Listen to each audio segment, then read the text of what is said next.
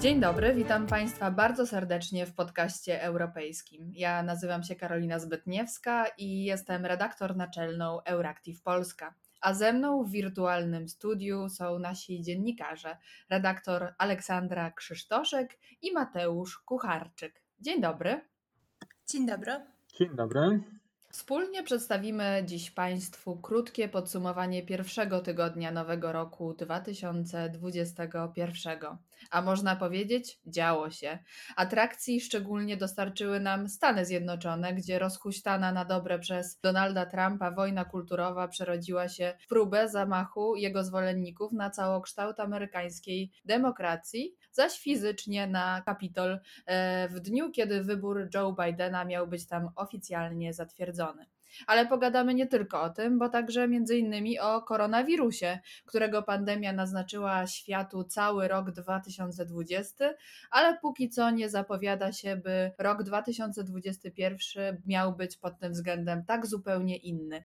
Zeszłym roku mówiliśmy więcej jednak o testach i o brakach łóżek intensywnej terapii wyposażonych w respiratory, zaś dziś mówimy przede wszystkim o szczepionkach. Ale to nie wszystko, o czym dziś będziemy rozmawiać. W Iraku sędzia śledczy z Bagdadu wydał nakaz aresztowania odchodzącego prezydenta USA, Donalda Trumpa, w związku z zabójstwem irackiego przywódcy paramilitarnych milicji, który zginął wraz z generałem Kasamem Soleimanim 3 stycznia 2020 roku.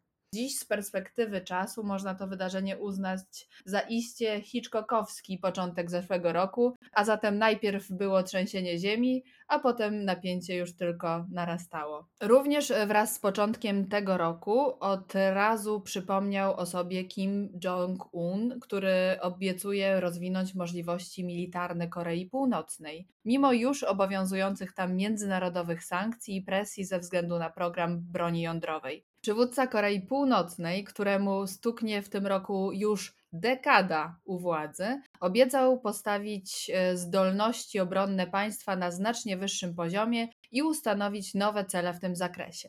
No cóż, e, prężenie muskułów to od dawna jedyna chyba aktywność sportowa Kima. Zobaczymy, jaką politykę przyjmie wobec niego prezydent elekt Joe Biden po zaprzysiężeniu 20 stycznia. Teraz czas na lepsze wiadomości ze znacznie bliższego nam państwa. Otóż niemiecki rząd przyjął projekt ustawy, której celem jest zwiększenie liczby kobiet w zarządach niemieckich firm. Zgodnie z projektem w zarządach spółek notowanych na giełdzie i tych, które mają obowiązek obsadzania rad nadzorczych poprzez właścicieli i pracowników, musi zasiadać przynajmniej jedna kobieta. Rezygnacja z obsadzenia zarządu przy udziale kobiet wiązać się będzie z karami finansowymi. Obecnie w zarządach zasiada zaledwie 10-13% pań. I pod pretekstem tego newsa, nim jeszcze oddam głos Oli i Mateuszowi, dodam jeszcze, że jako Euractiv Polska zrobiliśmy nasz autorski ranking kobiet, które w 2020 roku naszym zdaniem zmieniły świat. Wymienię tylko te, które wymieniliśmy na podium, choć zasługi ich wszystkich trudno porównywać, bo wszystkie mają ogromne znaczenie. Na pierwszym miejscu znalazła się premier Nowej Zelandii, która już wcześniej dała się poznać jako zdecydowany i odważny przywódca. Chodzi o Jacindę Ardern, która bardzo dobrze wykazała w trakcie pandemii, że świetnie sprawdza się jako szefowa rządu swojego kraju. Dzięki sprawnemu zarządzaniu kryzysową sytuacją i dużej transparentności działań, Nowozelandczycy z dużym zaufaniem podchodzili do tego, w jaki sposób ich władze walczą z koronawirusem. Nowa Zelandia to obecnie jeden z niewielu krajów świata, gdzie nie doszło do drugiej fali zakażeń. Życie toczy się tam niemal normalnie. Na drugim miejscu uplasowaliśmy Kamalę Harris. Senator z Kalifornii już od 20 stycznia będzie pierwszą w historii Stanów Zjednoczonych kobietą na stanowisku wiceprezydenta. Będzie też pierwszą sprawującą ten urząd osobą o imigranckich korzeniach. Jej matka pochodzi z Indii, a czarnoskóry ojciec z Jamajki. Pierwszą trójkę naszym zdaniem zamyka Światłana Cichanuska, kontrkandydatka Aleksandra Łukaszenki w sierpniowych wyborach prezydenckich na Białorusi w polityce znalazła się właściwie zupełnie przypadkiem i dotąd określa się nieraz mianem skromnej gospodyni domowej. Jednak ta skromna gospodyni domowa rzuciła skutecznie rękawice rządzącemu Białorusią już od 26 y, lat dyktatorowi. Wiele wskazuje na to, że gdyby głosowanie przeprowadzono zgodnie z demokratycznymi procedurami, to właśnie ona wygrałaby je z wielką przewagą. Po sfałszowanych wyborach Białorusini od niemal już 150 dni protestują na ulicach i wciąż nie zamierzają przestać. A teraz zostaniemy przy temacie protestów, ale nie tylko. Przenieśmy się do kraju, który dyktaturą może nie jest, choć zdaje się, że ma spore zasoby ludzi, których charakteryzuje, cytując niemieckiego filozofa Theodora Adorno, osobowość autorytarna czyli do Stanów Zjednoczonych. Olu, opowiedz proszę, co dzieje się za Atlantykiem. Trzeba przyznać, że zamieszki w Kapitolu były bez wątpienia bezprecedensowym zdarzeniem, jeśli chodzi o przekazanie władzy przez jednego prezydenta drugiemu prezydentowi. Niestety nie obyło się bez ofiar śmiertelnych. Według stanu na 8 stycznia zginęło pięć osób, w tym czterech demonstrantów i jeden funkcjonariusz. Było również kilkudziesięciu rannych i kilkadziesiąt osób zostało aresztowanych. Warto też zwrócić uwagę na reakcję, bardzo stanowczą reakcję, z jaką spotkały się protesty zarówno w Stanach Zjednoczonych, jak i w Europie. Wydarzenia w Kapitolu stanowczo potępili przywódcy państw europejskich, ale także przywódcy NATO i Unii Europejskiej, którzy wezwali przy tym do uznania wyniku demokratycznych wyborów. Niektórzy politycy obciążyli Donalda Trumpa winą za, przynajmniej częściową winą za działania jego zwolenników. Byli wśród nich Angela Merkel, ale także, co ciekawe, Boris Johnson, który do tej pory uważany był raczej za sojusznika, a wręcz przyjaciela Trumpa. Ciekawa była też reakcja nieuznawanego przez Zachód prezydenta Białorusi Aleksandra Łukaszenki, który porównał sceny z Waszyngtonu do sytuacji na Białorusi. Oczywiście samemu porównując się do Joe'ego Bidena. Jak już wspomniała Karolina, do zamieszek doszło podczas obrad kongresu, który miał oficjalnie zatwierdzić zwycięstwo wyborcze Joe'ego Bidena. Po uspokojeniu sytuacji obrady wznowiono i Biden został oficjalnie uznany przez kongres za prezydenta elekta. Wiceprezydent Mike Pence, e, wznawiając posiedzenie, zwrócił się do protestujących, mówiąc im, że nie wygrali, gdyż, jak powiedział, przemoc nigdy nie wygrywa, a wygrywa wolność. Jeśli chodzi o Donalda Trumpa, to on opublikował na Twitterze nagranie, w którym zaapelował do protestujących, by wrócili do domu, ale jednocześnie przy tym powtórzył tezę o sfałszowanych wyborach, a także delikatnie wyraził solidarność z demonstrantami. Później opublikował jeszcze kilka wpisów, w których odnosił się do tego tematu i podtrzymywał opinię, że wybory zostały jemu i jego zwolennikom ukradzione. Administracja Twittera usunęła te wpisy. Co więcej, Twitter zablokował konto Trumpa na 12 godzin i zagroził usunięciem konta. Konta Trumpa zablokowały również Facebook i należący do Facebooka Instagram. Tak więc są to pierwsze tak stanowcze działania kierunku Donalda Trumpa ze strony administracji czołowych serwisów społecznościowych. Niektórzy demokraci wysunęli propozycję, by w stosunku do Donalda Trumpa zastosować 25. poprawkę. Bywa ona mylona z impeachmentem, jednak e, nie jest to impeachment. Na impeachment jest już za późno, ponieważ Donaldowi Trumpowi zostały dwa tygodnie u władzy, a procedura impeachmentu jest dość długa. 25. poprawka mówi, że kiedy wiceprezydent i większość szefów resortów lub inna ustawowo określona grupa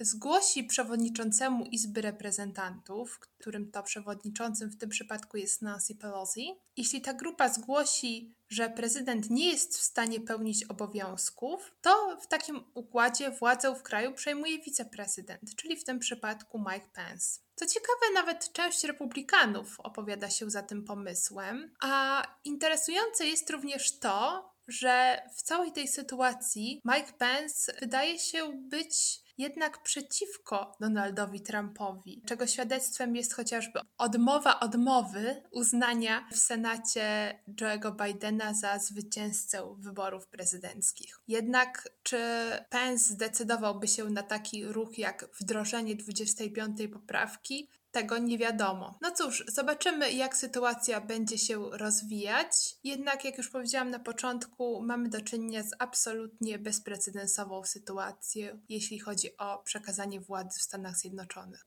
No cóż, e, żyjemy w ciekawych czasach. Zobaczymy, czy Donald Trump będzie mógł powiedzieć Mike'owi Pence'owi i ty, Brutusie. A teraz e, przechodzimy do obiecanego drugiego najważniejszego tematu tego podcastu, czyli do szczepionek. Mateuszu, opowiedz, jak wygląda sytuacja szczepionek w Europie. Niektóre rządy państw członkowskich Unii Europejskiej przypominają moim zdaniem polskich drogowców z niedalekiej przeszłości, gdy zaskakiwała ich rokrocznie, a przecież z każdym rokiem mniej śnieżna i mroźna zima. Mimo zapewnienia przez Komisję Europejską szczepionek przygotowanych czy wyprodukowanych przez koncerny Pfizer i BioNTech, niedługo zresztą będzie dostępna kolejna szczepionka amerykańskiej firmy Moderna, administracje państw członkowskich Unii Europejskiej nie radzą sobie zdecydowanie z procesem szczepień szczepień. I tak na przykład w Holandii szczepienia rozpoczęły się dopiero w środę 6 stycznia, czyli dwa dni temu, półtora tygodnia później niż w innych krajach Unii Europejskiej. Sam premier Mark Rutte przyznał, że holenderska strategia szczepień okazała się totalną porażką. Rząd krytykowany jest także we Francji, a nawet w Niemczech, gdzie zaszczepiono jak dotąd, biorąc pod uwagę liczby bezwzględne, najwięcej obywateli w krajach Unii Europejskiej. Powodów e, dotychczasowego hmm, fal startu e, jest kilka. Do najważniejszych y, należą problemy z dystrybucją szczepionek Pfizera i BioNTechu, ponieważ wymagają one przechowywania w temperaturze od około minus 80 do około minus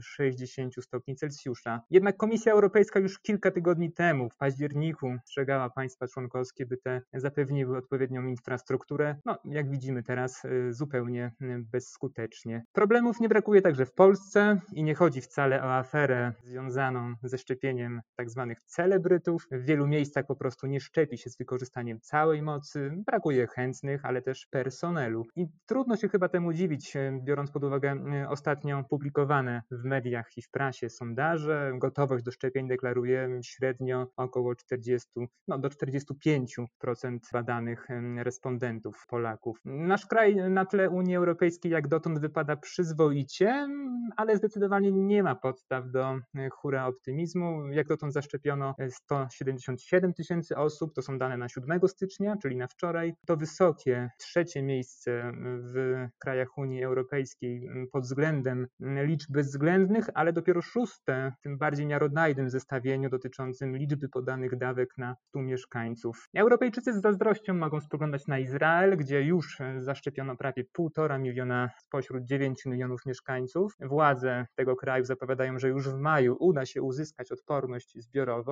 Izrael zawdzięcza swój sukces kilku rzeczom, między innymi sprawnej administracji, ale także determinacji rządzących, którzy wykorzystują kampanię szczepień w grze politycznej. Już w marcu bowiem w Izraelu odbędą się czwarte na przestrzeni dwóch lat wybory parlamentarne. Może gdyby wybory były także zaplanowane w innych państwach Unii Europejskiej w najbliższych tygodniach, statystyki zaszczepionych byłyby bardziej imponujące, ale wydaje mi się, że na to pytanie już raczej nie poznamy odpowiedzi.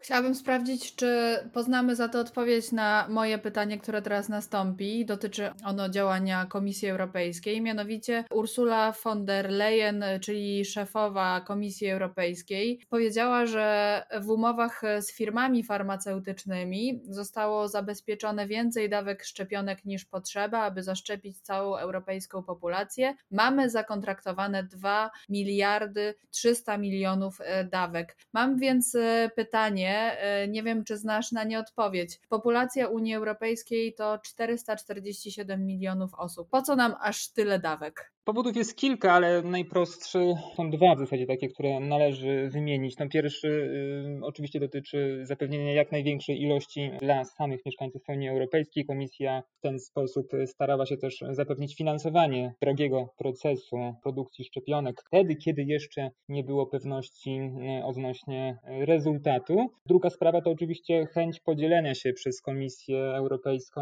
dawkami szczepionek z państwami partnerskimi, ale też z państwami no, mniej zamożnymi, tymi państwami rozwijającymi się z Afryki, z Ameryki Południowej, ale także z Azji. I myślę, że tutaj należałoby szukać odpowiedzi na pytanie, po co Unii Europejskiej aż 2,3 miliarda dawek szczepionek od tak wielu producentów.